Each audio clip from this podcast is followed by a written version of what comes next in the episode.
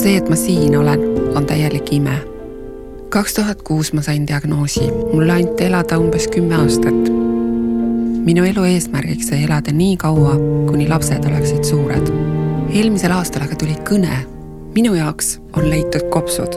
uued kopsud on toonud mõistmise, milline võit on igal hommikul ärgata ning päeva alustada. anna elule võimalus ja registreeri ennast elundidoonoriks veebilehel digilugu.ee Kuku Raadios välja öeldud seisukohad ei pea ühtima Kuku Raadio seisukohtadega. Te kuulate Kuku Raadiot.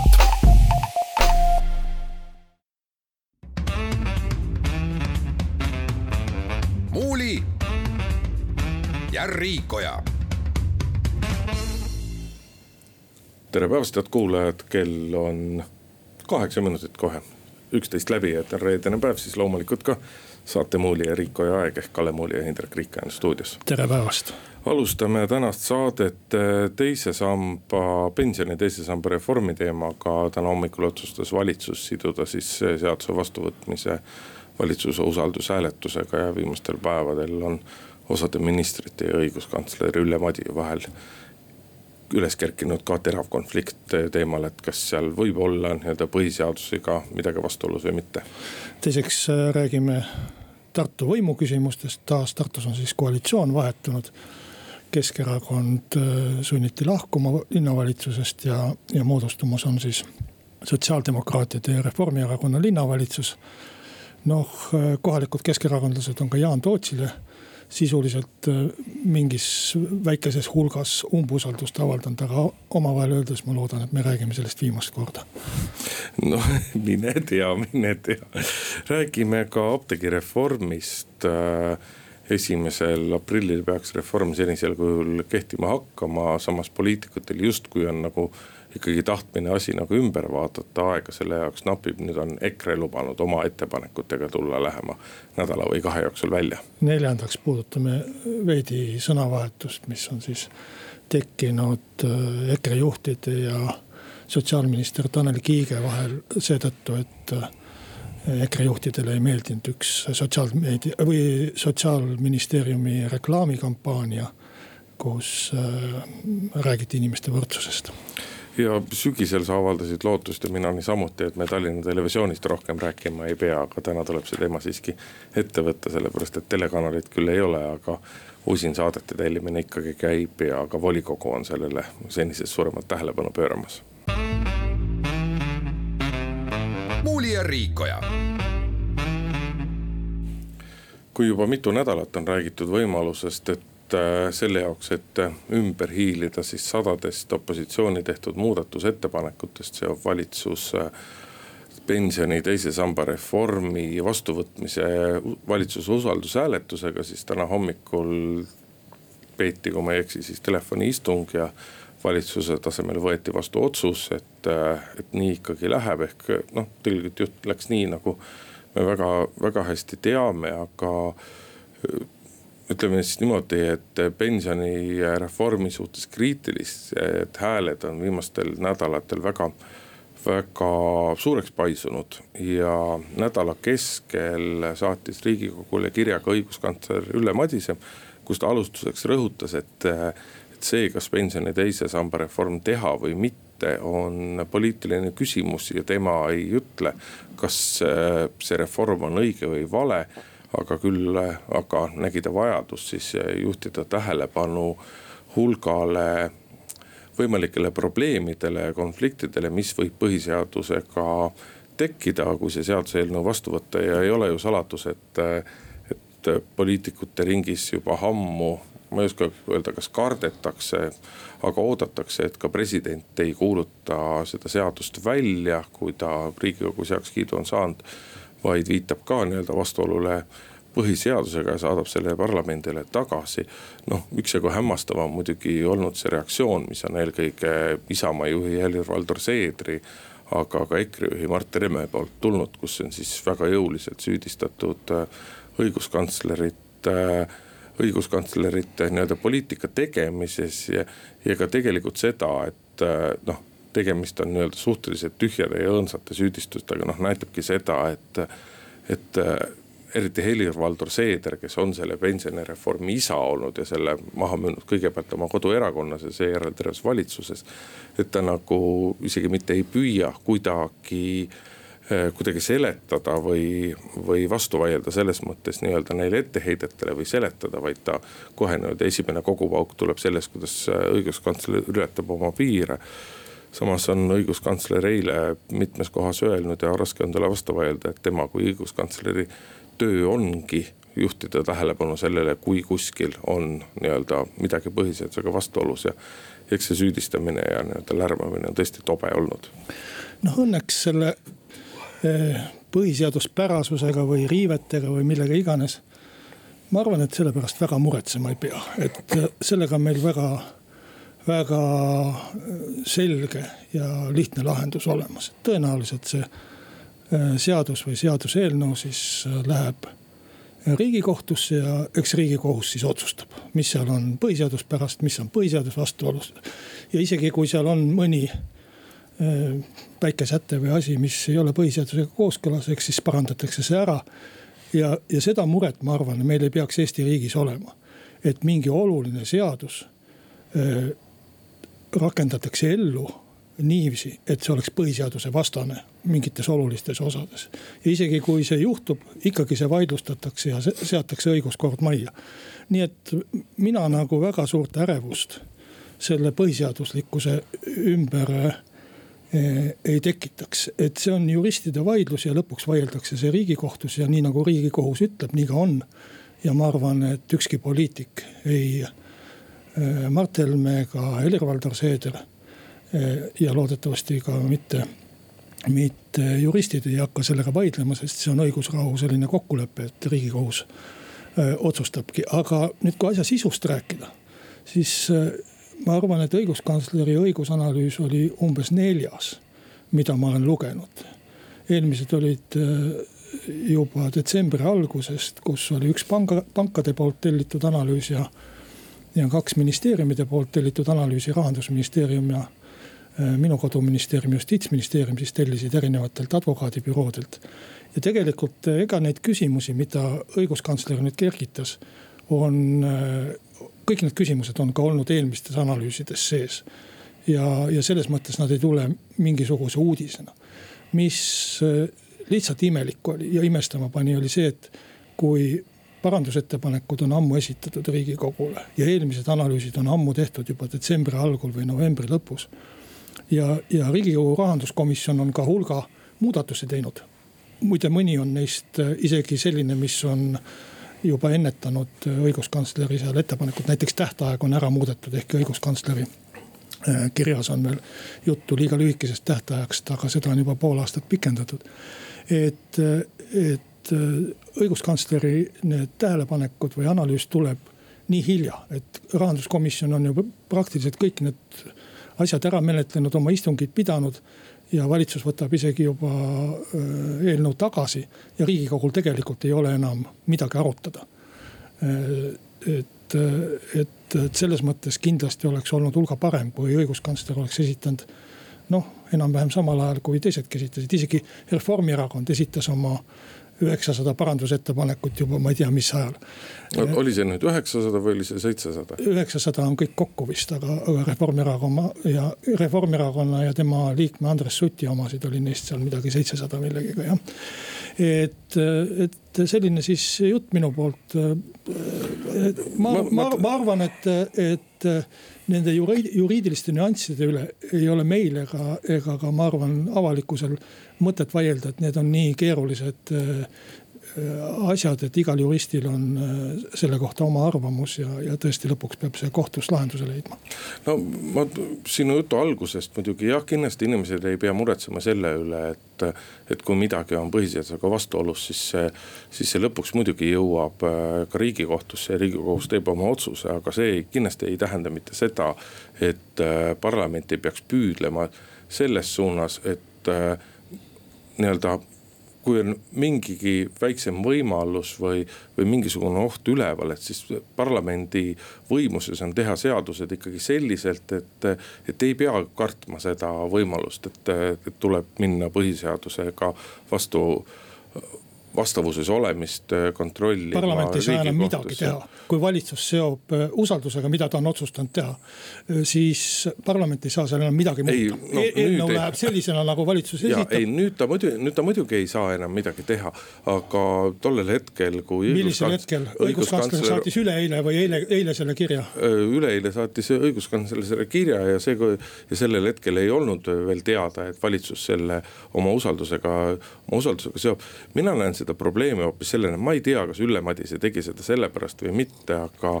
aga kindlasti nii mõnigi inimene teeks seda sellepärast, et, et me oleme tegelikult olukorras, kus meil on, meil on parlamendis töös seaduseelnõu, mille kohta peale üksikute poliitikute ei ütle mitte keegi nii-öelda nagu head sõna, mitte keegi ei näe seda, nagu me siin rääkisime eelmisel või üle-eelmisel nädalal.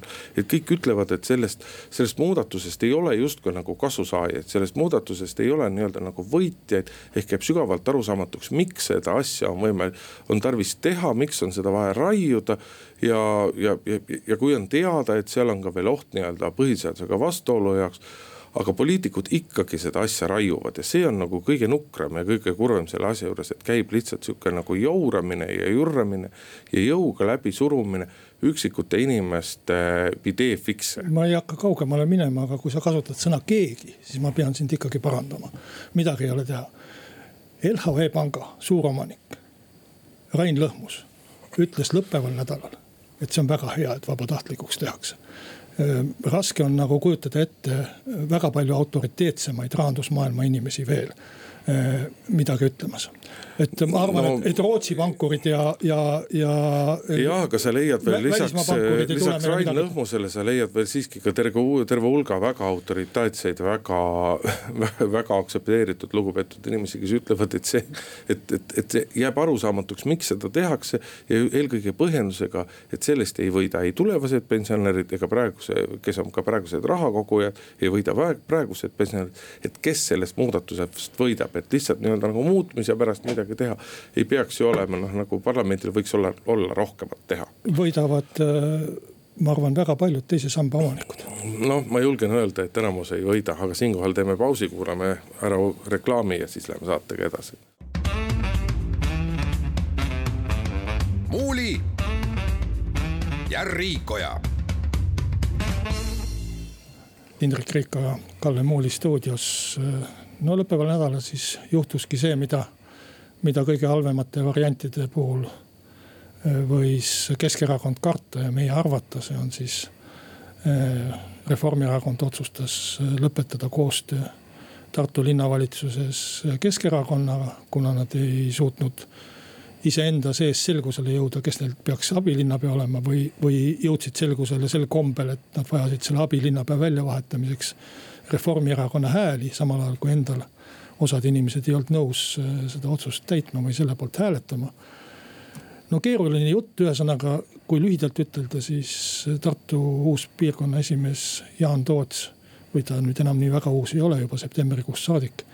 on äh, suutnud käituda küll ühes väikelinna äh, piirkonna organisatsioonis nagu Elevant portselanipoes ja peaaegu kõik ära lõhkunud, mis ette on jäänud no jah, peaaegu kõik, ma arvan, ta on ikkagi, ikkagi sisuliselt nagu kõik ära lõhkunud, et. et kui Keskerakonnal oli nii-öelda noh, nagu Keskerakond on, on peaministrierakond ja on valitsuses üleriigiliselt ja, ja kogu aeg seda saadab mingisugune nii-öelda nagu kriitika ja, ja mingisugune mingisugune kurtmine, nurisemine ja nii edasi.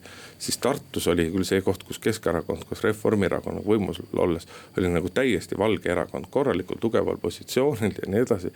ja nüüd lihtsalt äh, noh, jätkuvalt siiski oleme ausad, täiesti arusaamatutel põhjustel. lihtsalt tuli uus erakond, tuli pi uus piirkonna juht, hakkas, hakkas jonnima ja jourama ja saavutas siis selle, et, et Keskerakond ei ole Tartus enam nagu mitte keegi. kõige põnevam oli tema enda kommentaar vahetult peale seda, kui see juhtus, et oligi ammu aeg ära lõpetada see linna valitsemine meil et, et miks sa siis nagu seal oled, et kui sul nagu, et, et, et kui Jaan Tootsil ei ole midagi teha, siis ta võib ju minna ta võib, ta võib kodutuid inimesi aidata, ta võib loomade varjupaika juhtima minna. et selles mõttes noh, teha on nagu selliseid nii-öelda töid, kus endale rakendust leida ja kus saab nagu tegutseda ja teha on nagu väga palju, aga miks sa pead minema poliitikasse, kui sa seda ei oska ja kui noh et ma muidugi ei usu, Aadu Must, senine Tartu piirkonna esimees ütles, et tundub nagu, nagu Jaan Toots oleks tegutsenud kellegi huvides, no ma seda nüüd päris hästi uskuda ei tahaks.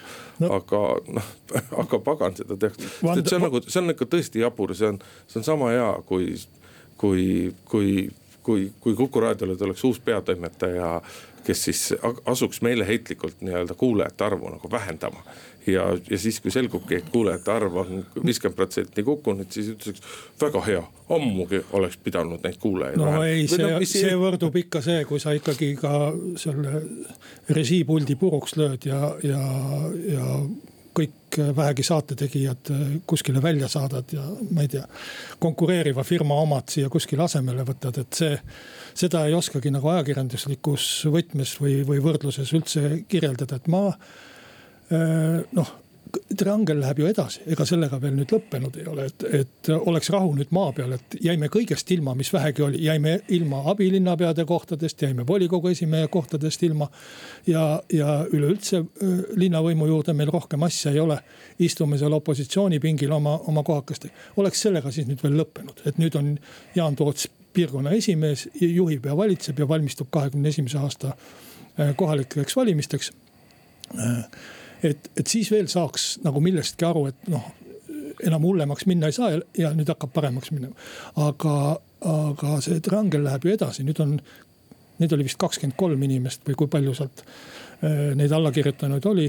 Tartu piirkonnast teinud ju äh, pöördumise oma keskkontori poole, et, et Toots välja vahetataks aga, aga, aga mida neil inimestel teisiti on teha, sest et kui, kui nagu piirkonna juht on o, nagu teinud sellise asja, siis mi, mi, miks peaksid erakonna liikmed lootma, et ta suudaks valimistel kuidagi natukenegi paremini esineda, esineda ja oma, oma erakonda esindada, et, et see tõenäosus on ju olematu. no kujuta nüüd ette siis keskkontori või ütleme siis Jüri Ratase või juhatuse, Keskerakonna juhat-, juhi, juhatuse olukorda. kui nad nüüd võtaksid Tootsi maha ja ma ei tea, mismoodi nad võtavad, sellepärast et piirkond ise valib endale eh, esimehe. Eh, tõsi, seal vist umbusaldajate hulgas on ka mõned juba need, kes eh, omal ajal Tootsi toetasid. nii et võib-olla seda häälte, häälte vahekord on muutunud. aga, aga kujuta nüüd ette siis olukorda, et kui nüüd Toots ka veel maha võetakse, siis oleks siis ei oleks seda uut esimest ka, aga kõik muu oleks ka kaotatud, et täiesti no, arusaamatu. aga, aga selles mõttes, et sul on nii-öelda võimalus justkui nagu puhtalt, teatud mõttes puhtalt lehelt alustada. ja sul on võimalus nagu uuesti nagu tõusma hakata. aga Jaan Tootsi juhtimise all, et erakond saaks nagu justkui nagu tõusma hakata. noh, see tõenäosus, no, no tundub nagu väga ebausutav. no ma arvan, et siin on Jüri Ratasel ainult üks valik ja see valik on selline, et anda piirkonna esimehele mingi tähtaeg, mille jooksul olgu piirkonnas tüli klaaritud, ära lepitud, meeskond loodud ja, ja kõik ühe mütsi alla koondatud või enam-vähem kõik. ja, ja saaks edasi minna ja kui seda teatud tähtaja jooksul, mõne kuu jooksul ei suudeta teha, siis peab piirkond ikkagi kaaluma nagu esimehe vahetamist, et, et. aga miks mitte kohe pigem alustada esimehe vahetamisest ja siis katsuda nagu üles. selleks, esiteks selleks on vaja hääli. ega erakond ei ole ettevõte, mida sa juhid niiviisi, et annad Tallinnast korraldada no. Te,. teiseks, ega kui sa vahetad jõuga, siis see vimm jääb ikkagi sinna sisse, sinna jäävad sisse inimesed. nii kui praegu on Tootsi vastased seal sees, siis jäävad tema poolehoidjad sinna sisse. et tegelikult tuleks igas äh, sellises organisatsioonis äh, poliitikas taotleda ikkagi üksmeelt leppimist, mingit kokkulepet kellegi peale või, või mis iganes variandiga ei, ma saan sellest teoreetiliselt aru, aga noh, suudad sa nüüd ette kujutada, et, et, et pärast selliseid sammu, noh, kes peaksid need nii-öelda poliitiliselt mõtlevad inimesed olema, kes Jaan Tootsi nagu toetavad. et, et, et väga keeruline on mõista, kuidas teda on nagu pärast selliseid asju võimalik toetada, aga siinkohal teeme pausi ja oleme siis eetris tagasi. muuli ja Riikoja Läheme saatega edasi, Kalle Muuli ja Hendrik Riik on jätkuvalt stuudios ja räägime nüüd apteegireformist. esimesel aprillil peaks eh, nii-öelda praegu kehtiv seadus siis täies mahus jõustuma ja aga eks häda on selles, et poliitikud ei suuda kuidagi äh, kuidagi välja mõelda või ära otsustada, et kas siis lastakse asjadel minna nii, nagu nad, äh, nagu on oodatud viimased nüüd üle nelja ja poole aasta või siis hakatakse seda asja muutma. Et äh, sotsiaalminister Tanel Kiik on esitanud mingisugused muudatusettepanekud, aga need päris nii-öelda eelnõuks veel ei ole vormunud. sellel nädalal teatasid ka EKRE juhid, et nemad tulevad ka kindlasti välja nii-öelda oma muudatusettepanekutega, et äh, nii-öelda eelnõu saabumine on sihuke nädala või paari küsimus. ja et nende eesmärk on liberaliseerida apteegiturgu, aga mida see tähendab, äh, tähendab see siis nii-öelda omandi, omandipiirangute täielikku kadumist või mingite säilimist, tähendab see käsimüügiravimite vähemasti osalist jõudmist ka tavapoodidesse, tanklatesse ja nii edasi. selle kohta meil mingisugust teadmist ei ole ja EKRE ma ei tea, kas kiituseks või laituseks tuleb ütelda, et, et kui neid mõtteid on, ma muidugi kahtlustan, et neid mõtteid kahjuks ei ole mitte liiga palju. aga neid väheseidki mõtteid on suudetud väga hästi erakonna sees kinni hoida. ma arvan, et see oli detsembri algul, kui ma ütlesin siin stuudios, et et aeg saab kohe-kohe otsa ja et kui veel midagi jõuab teha, siis jõuab ainult kahte asja teha, et kas jätta see reform sellisena jõusse, nagu ta on. või tühistada täi-, täies tükis ära. no see täies tükis tühistamine Äh, ei õnnestunud, hääli ei jagunud selle jaoks riigikogus. ja nüüd ma arvan küll, et isegi kui EKRE oma äh, mingisuguse eelnõuga tuleb, siis äh, on pilt umbes selline, et ta jõuab vaevu lõõtsutades perroonile sel hetkel, kui rongi tagatuled paistavad, et. et kui ma nüüd midagi sassi ei aja, siis ülejärgmine nädal on riigikogus veel töövaba nädal ka ja esimene aprill on tähtaeg, kui hakata sealt lugema neid menetlusvõimalusi, eh, siis midagi sisulist teha päev enne eh, reformi jõustumist või, või päev enne seda, kui reform oleks pidanud jõustuma. et see on eh, minu meelest üsna keeruline ja mõeldamatu isegi siis, kui riigikogus oleks mingi üksmeel olemas selles asjas või ütleme siis otsustamiseks vajalik häälte hulk aga praegu tundub küll, et vähemalt need variandid, mis seal laual on, ei, nendel ei ole ühelgi äh, vajalikku häälte hulka ehk enamust. ja, ja see, kui sa tahad tekitada mingisuguse kokkuleppe, mingisuguse äh, häälte hulga, see nõuab väga palju aega, see nõuab läbirääkimisi ja, ja arutamisi ja tutvustamist ja selgitamist.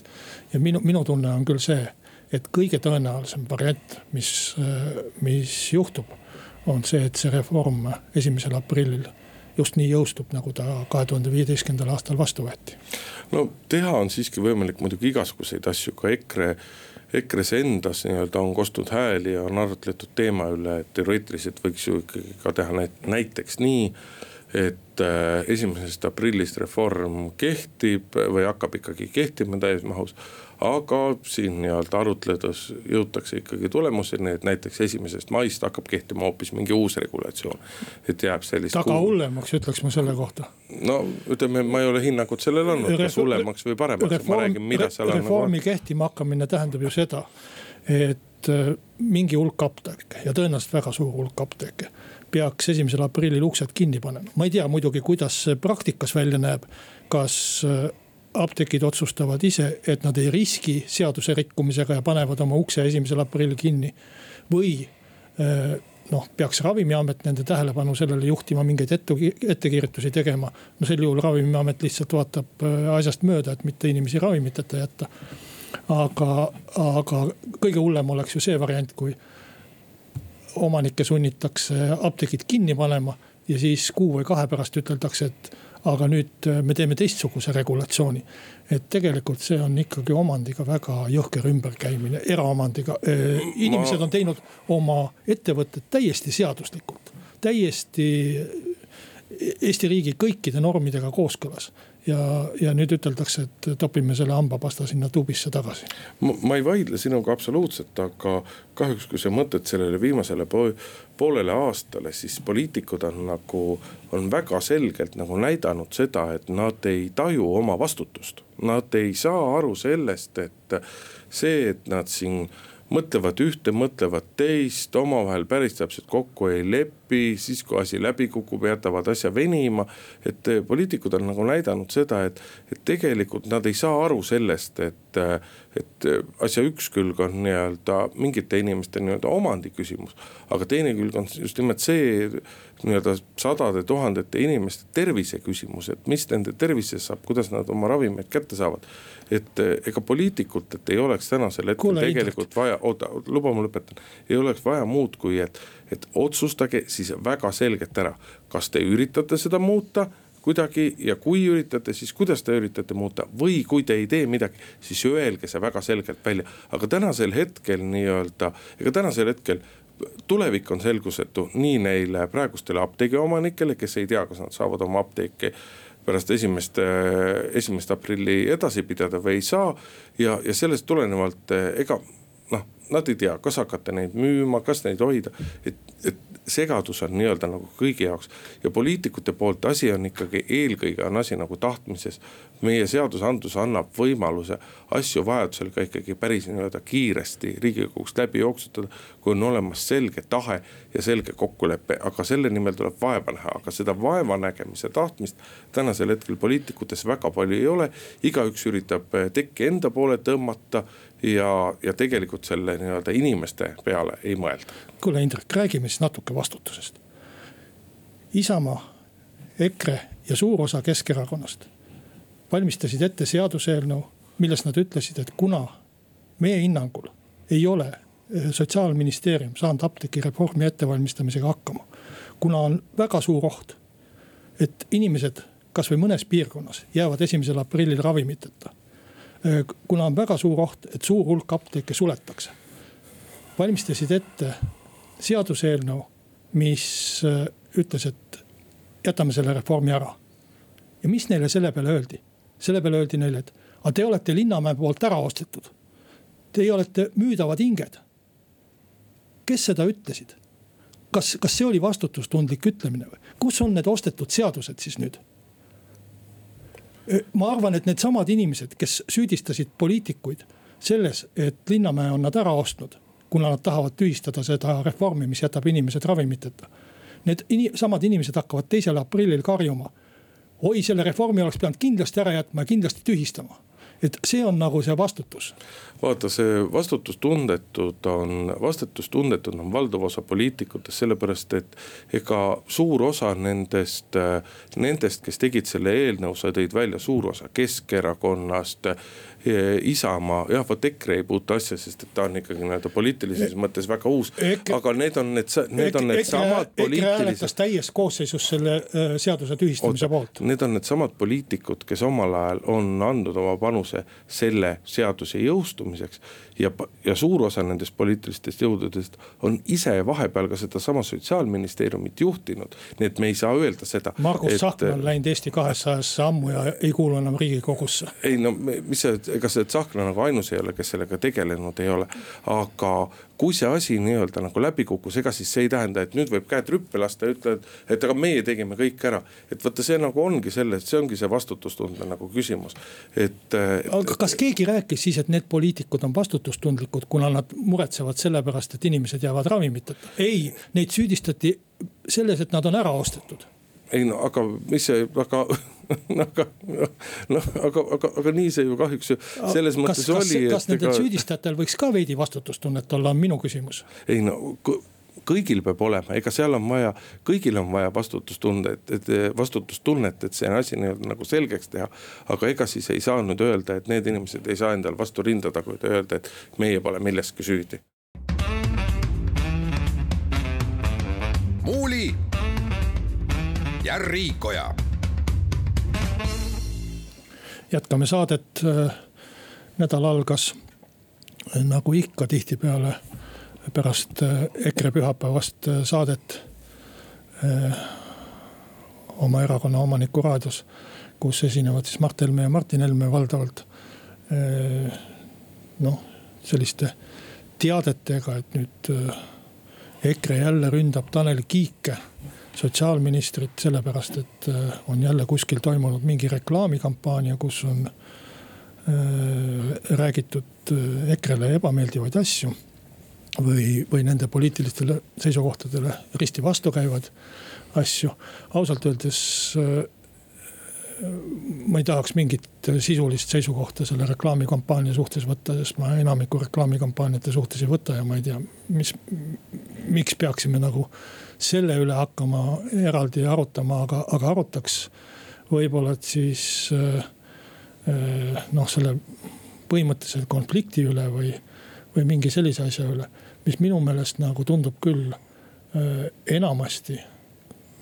sest neid väljaütlemisi on ka varem ju olnud, enamasti kuuluvad sellisesse, nüüd vabandage väljendust, meelelahutusvaldkonda.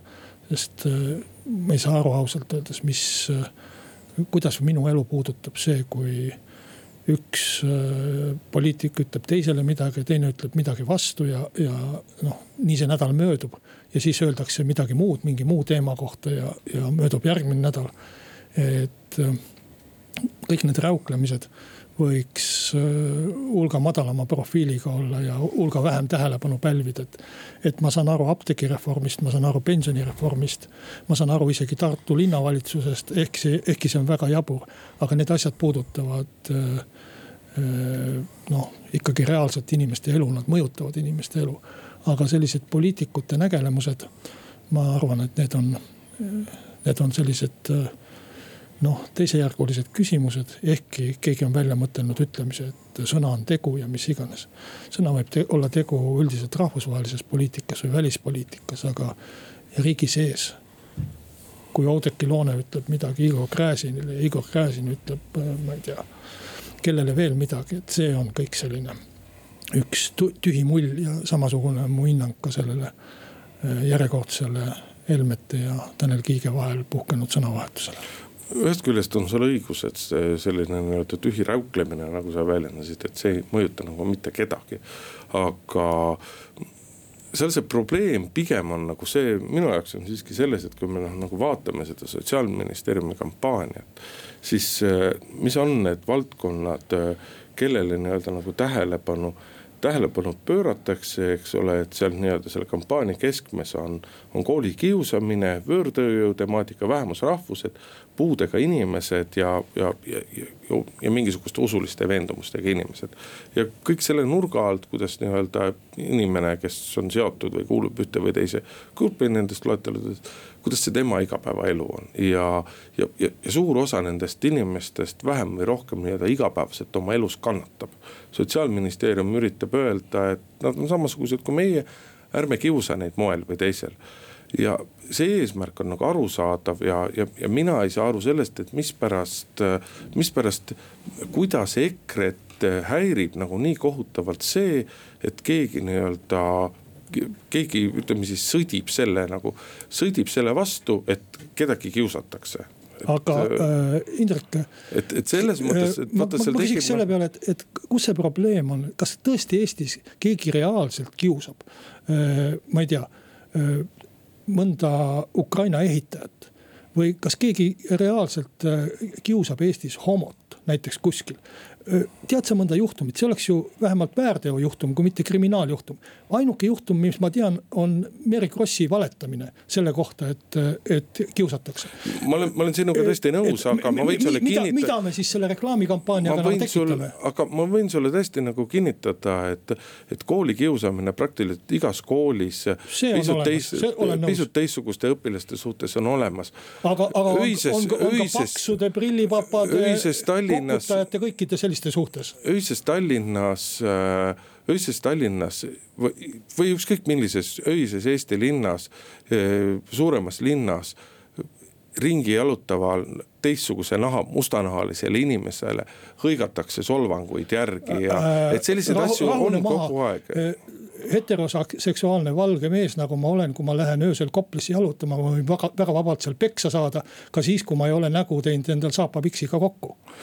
sa võid küll, aga vaata lihtsalt tõenäosus, kui sa saapapiksiga teed, on nagu tunduvalt suurem ja see ei ole nagu päris mõistlik, et see tunduvalt suur. et noh, need probleemid on igapäevased, igapäevased olemas ja antud kampaania ju nii-öelda homoseksuaalidega õigupoolest ei tegelegi. kes peaks noh, nagu eriti teravalt olema EKRE, et, et ma ei saa aru, et ega tegelikult muidugi, ega see EKRE lärm ja sõdimine on lihtsalt nii-öelda oma valijaskonnale näitamine, aga noh, kurat valitsuserakond võiks olla natuke nagu kuskil kõrgemal tasemel. no äh, neil on selline äh, komme ja äh, profiil ja, ja. ja kuna sisu il, nagu ei ole väga siis tulebki ainult nagu väliste asjadega näidata ennast. ilmselt ka nende valija ootab neilt seda või vähemalt nad arvavad, et nende valija seda ootab neilt ja. ju neil on siis sellise esinemisega ka tulemusi olnud. Muuli ja Riikoja. Saate lõpuks hästi kiiresti räägime pisut ka Tallinna TV-st, see on äh, sellel nädalal äh, taas üles kerkinud, sellepärast et telekanalit justkui ei ole, aga selle eest on teatanud, äh, teatanud siis on teatatud portsust saadetest, mida hakatakse nii-öelda, mille, mida hakatakse tootma ja millelt siis erakanalitelt või mille näitamiseks erakanalitelt ostetakse, ostetakse ostetakse küllaltki kallist nii-öelda eetriaega, lisaks on Tallinna volikogu teatanud, et tuleb erinevad sellised hanked nii-öelda teravama luubi alla võtta, sellepärast et päris paljud hanked, mida seni on läbi viidud, on nii-öelda väga selgelt olnud suurte summade eest, aga sihitud väga kindlatesse aukudesse, noh, eks jutt käib eelkõige venekeelsetest saadetest ja nende väga selgest suunamisest nii-öelda PBK-sse, mis pigem on propagandal kui, propagandakanal, kui et sihuke sõltumatu ja aus telekanal. et tegelikult tahaks öelda, et äh, hea abilinnapea Kõlvart, no lõigake need nöörid nagu lõplikult läbi, pange see nali kinni, võtke endale palgale mõni korralik turundaja ja ma usun, et mõned korralikud turundajad suudavad teil linnamainet nii linnast väljapoole kui ka linna kodanike seas palju odavamalt ja palju tõhusamalt nagu tõsta, et ei ole vaja seda Tallinna Televisiooni nimelist arusaamatut moodustist. ma ei ole süvenenud äh, täpselt, mis äh, saateid seal tellitakse ja mis nende suunitlus on ja, ja, ja kuivõrd ja, ja kas nad on vajalikud või mis iganes. et sellepärast ei oska ja ei taha äh, väga äh, äh selle sisu osas sõna võtta, aga põhimõtteliselt vormiliselt ma arvan, et äh, on hulga mõistlikum osta teenust, kui sul seda vaja on, kui et äh, omada linnavalitsusel endal televisiooni. et kui linn ja ma sain aru, et nii siis, kui nad selle Tallinna televisiooni likvideerisid. Neil oligi mõte, et nad jätavad mingid summad, mille eest nad siis tellivad endale vajalikku nii-öelda kas reklaami noh, mis ta siis muu on, äh, kui, kui raha eest seda ostad, ükskõik, on ta siis saate nime all või mis iganes. et, et mingeid linna asju siis promoda või linna asju tutvustada. ma arvan, et kui seda teha mõistlikus koguses ja, ja tõesti vajalikele asjadele, et siis äh, see, see ei ole sugugi halb mõte ma ei tea, mis nüüd äh, päriselus välja tuleb, et. Äh, no päriselus kas, on tegelikult linna tiival. mingi sahkerdamine, mingisuguse oma poliitilise kuvandi tekitamine, mingite oma poliitikute promomine, et kas ta läheb kätte selliseks poliitiliseks või ta tõesti teenib linna huve, aga kui ta teenib linna huve tehku minu raha eest, ma olen täitsa nõus sellega. no kui me neid venekeelseid hankeid vaatame, venekeelsete saadete hankeid vaatame, siis see on noh, selles mõttes nagu väga selge sahkerdamine, et ei ole mitte otsitud nii-öelda nagu võimalikult head kaupa, et sa saaksid oma raha eest võimalikult palju vaataja vaatajate silmapaare, vaid sa oled nii-öelda ikkagi väga selgelt on suunatud ja sihitud see ühte kindlasse nii-öelda nagu kanalisse ja kui siiamaani on see kogu aeg olnud tegelikult ikkagi linnapoliitikute ja linnavalitsejate propaganda, siis ei ole küll mitte mingisugust põhjust arvata, et see nüüd võiks millegipoolest nii-öelda nagu. kohalike teist. valimiste lähenedes võib see päris ohtlik asi olla, kui lepingud on sõlmitud ja saated tehakse. absoluutselt ja, ja tegelikult nii-öelda noh Tallinna Televisioon justkui pandi kinni, aga selle asemel loodi ju suhteliselt nii-öelda kulukas, suhteliselt kulukas produktsioonifirma, kes kõike seda tööd nii-öelda, neid asju ikkagi edasi teeb. ärme nüüd ütle, et teeme selle televisiooni uuesti lahti, seda küll vaja ei ole. ei, seda kindlasti ei ole vaja, no minu nõu siiski oleks nii-öelda palgata mõned tõepoolest nii-öelda asjatundlikud turundajad ja ma usun, et nad suudaksid kõike seda teha palju efektiivsemalt ja palju nagu tulemuslikumalt äh, kui, kui, kui sellisel kujul. aga siinkohal tõmbame tänasele saatele joone alla, Kalle Muuli, Hindrek Riik olid stuudios, kohtume taas. muuli ja Riikoja